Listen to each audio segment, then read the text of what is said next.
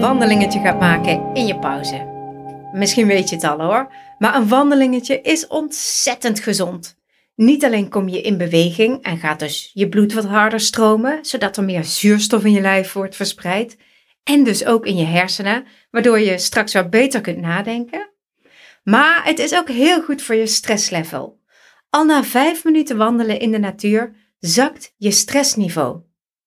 Wandelen maakt je ook milder, milder naar jezelf en naar anderen.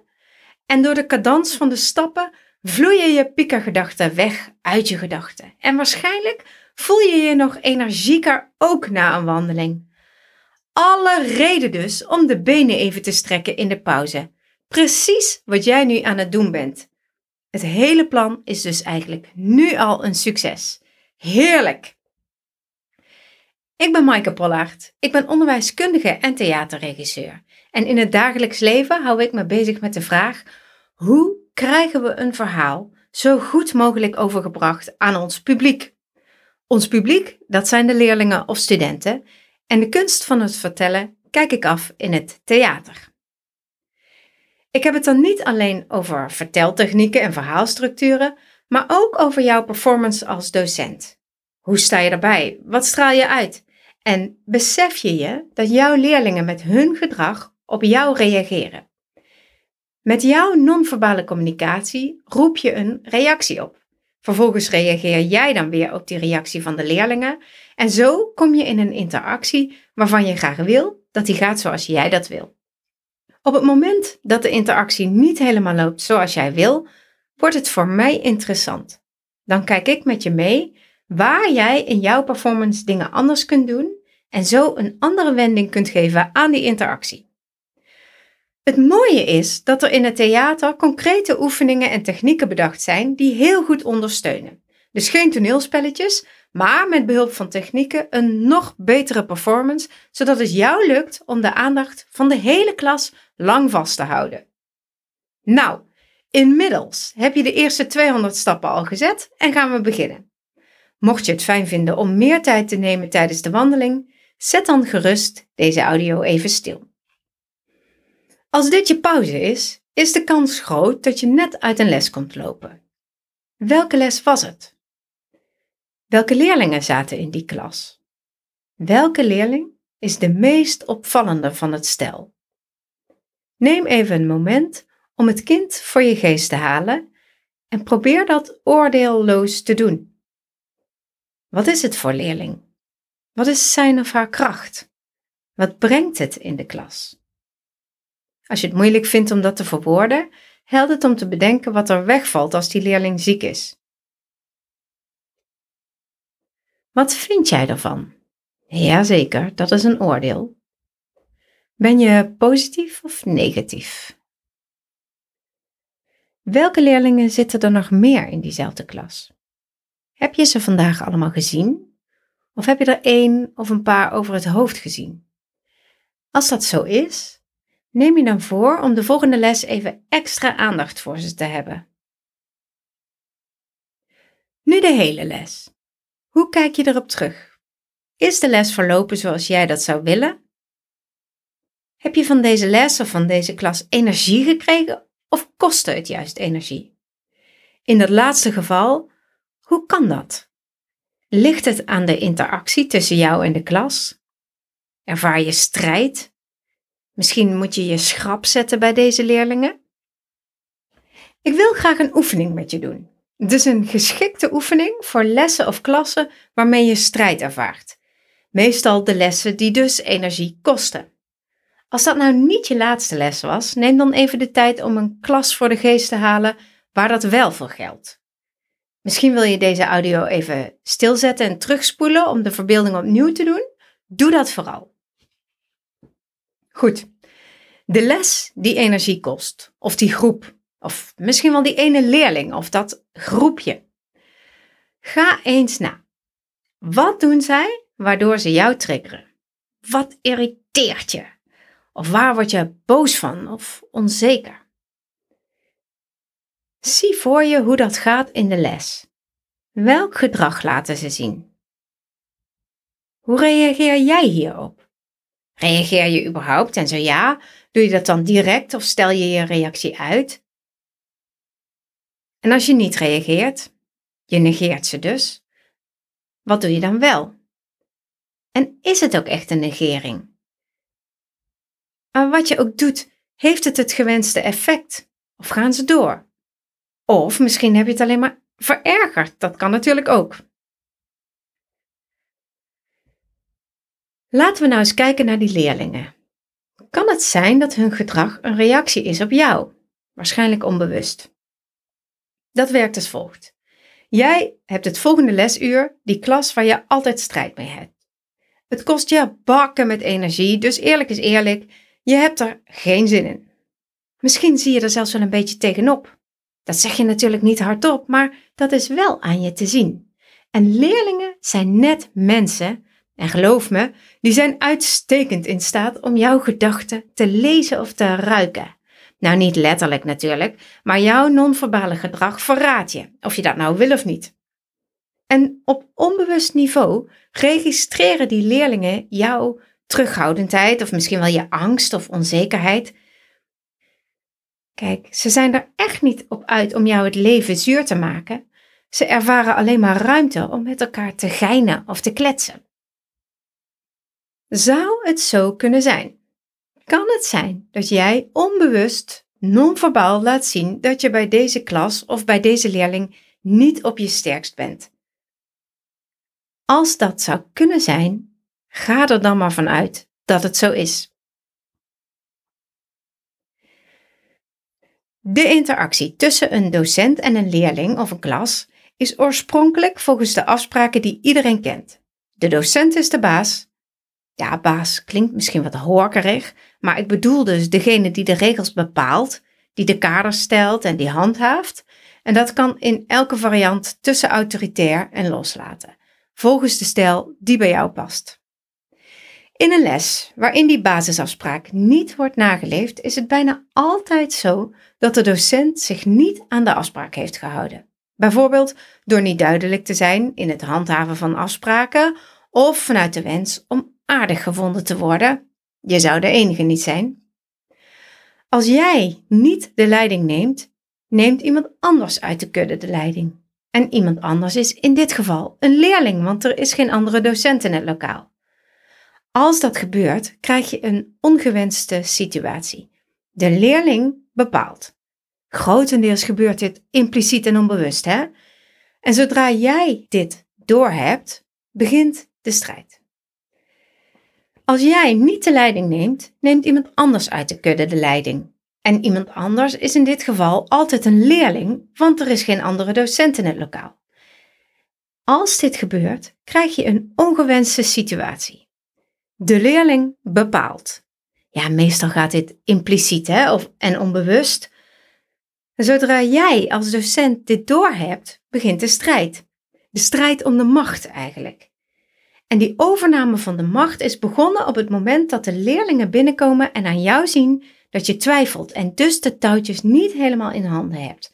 Dan is er dus ruimte voor de leerlingen om zich niet aan de regels te houden en om te gaan kletsen met elkaar of te gaan lopen stieren. Het is dus zaak dat we even teruggaan naar den beginnen en de afspraak: ik ben hier degene die bepaalt, jij bent hier degene die zich aan de afspraken houdt, te handhaven. En dat dan zonder autoritair of overcompenserend over te komen, want uh, dan ben je of je authenticiteit kwijt, of het is alsnog aan je te zien dat je eigenlijk de touwtjes niet in handen hebt. Het helpt dus om even te oefenen. En laten we nou net even buiten een wandelingetje aan het maken zijn en alleen zijn. De perfecte gelegenheid. Mooi, daar gaan we dan. Je krijgt nu een oefening met een aantal stappen en terwijl ik ze vertel, kun je ze alvast meedoen. Stap 1. Bedenk wat je zou willen uitstralen vanaf het moment dat je leerlingen je lokaal binnenkomen. Stap 1. Bedenk wat je zou willen uitstralen vanaf het moment dat je leerlingen je lokaal binnenkomen. Kies iets dat bij jou past. Als voorbeeld kies ik ontspannen en zelfverzekerd. Stap 2. Kun je je een situatie herinneren waarin je je 100% zo voelde? Bijvoorbeeld, ik was volledig ontspannen en zelfverzekerd toen ik voetbaltraining gaf aan de F'jes. Of, ik ben volledig ontspannen en zelfverzekerd als ik bij dansles ben. Stap 3. Ga nu eens lopen zoals je toen liep en bewoog in die situatie van stap 2 waarin je je zo voelde. Voel je het? Kun je het nu oproepen en je zo voelen? En terwijl je zo loopt, check eens in je lijf wat er is veranderd. Welke lichaamsdelen bewegen nu anders dan voor deze oefening? Misschien is je rug wat rechter geworden. Misschien is je tempo veranderd. Is je kin omhoog gegaan? Bewegen je armen anders? Zijn je stappen groter of kleiner geworden? Is je mimiek veranderd? Zijn je vuisten gebald of heb je juist open handen en ver van je lijf af? Zijn je ellebogen aan je lijf geplakt of juist niet? Registreer van top tot teen hoe je houding is.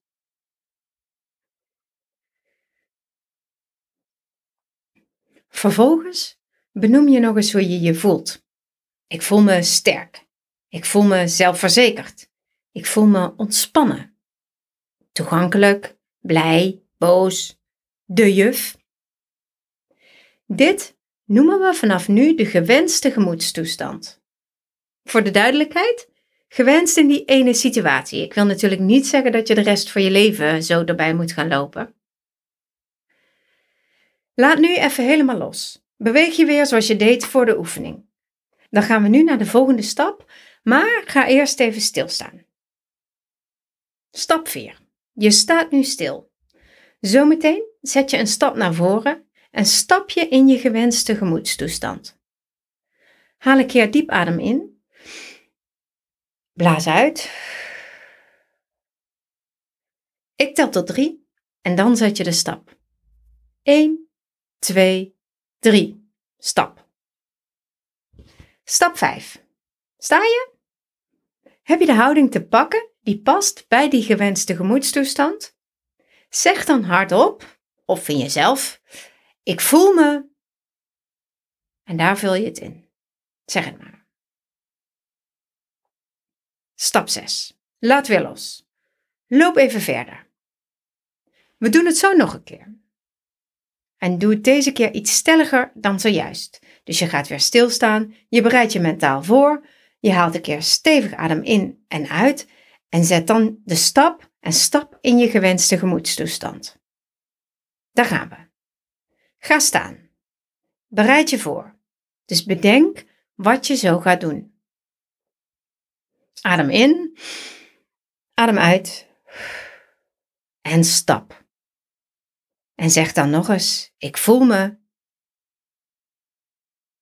Hoe vaker je dit doet, hoe meer waar het wordt.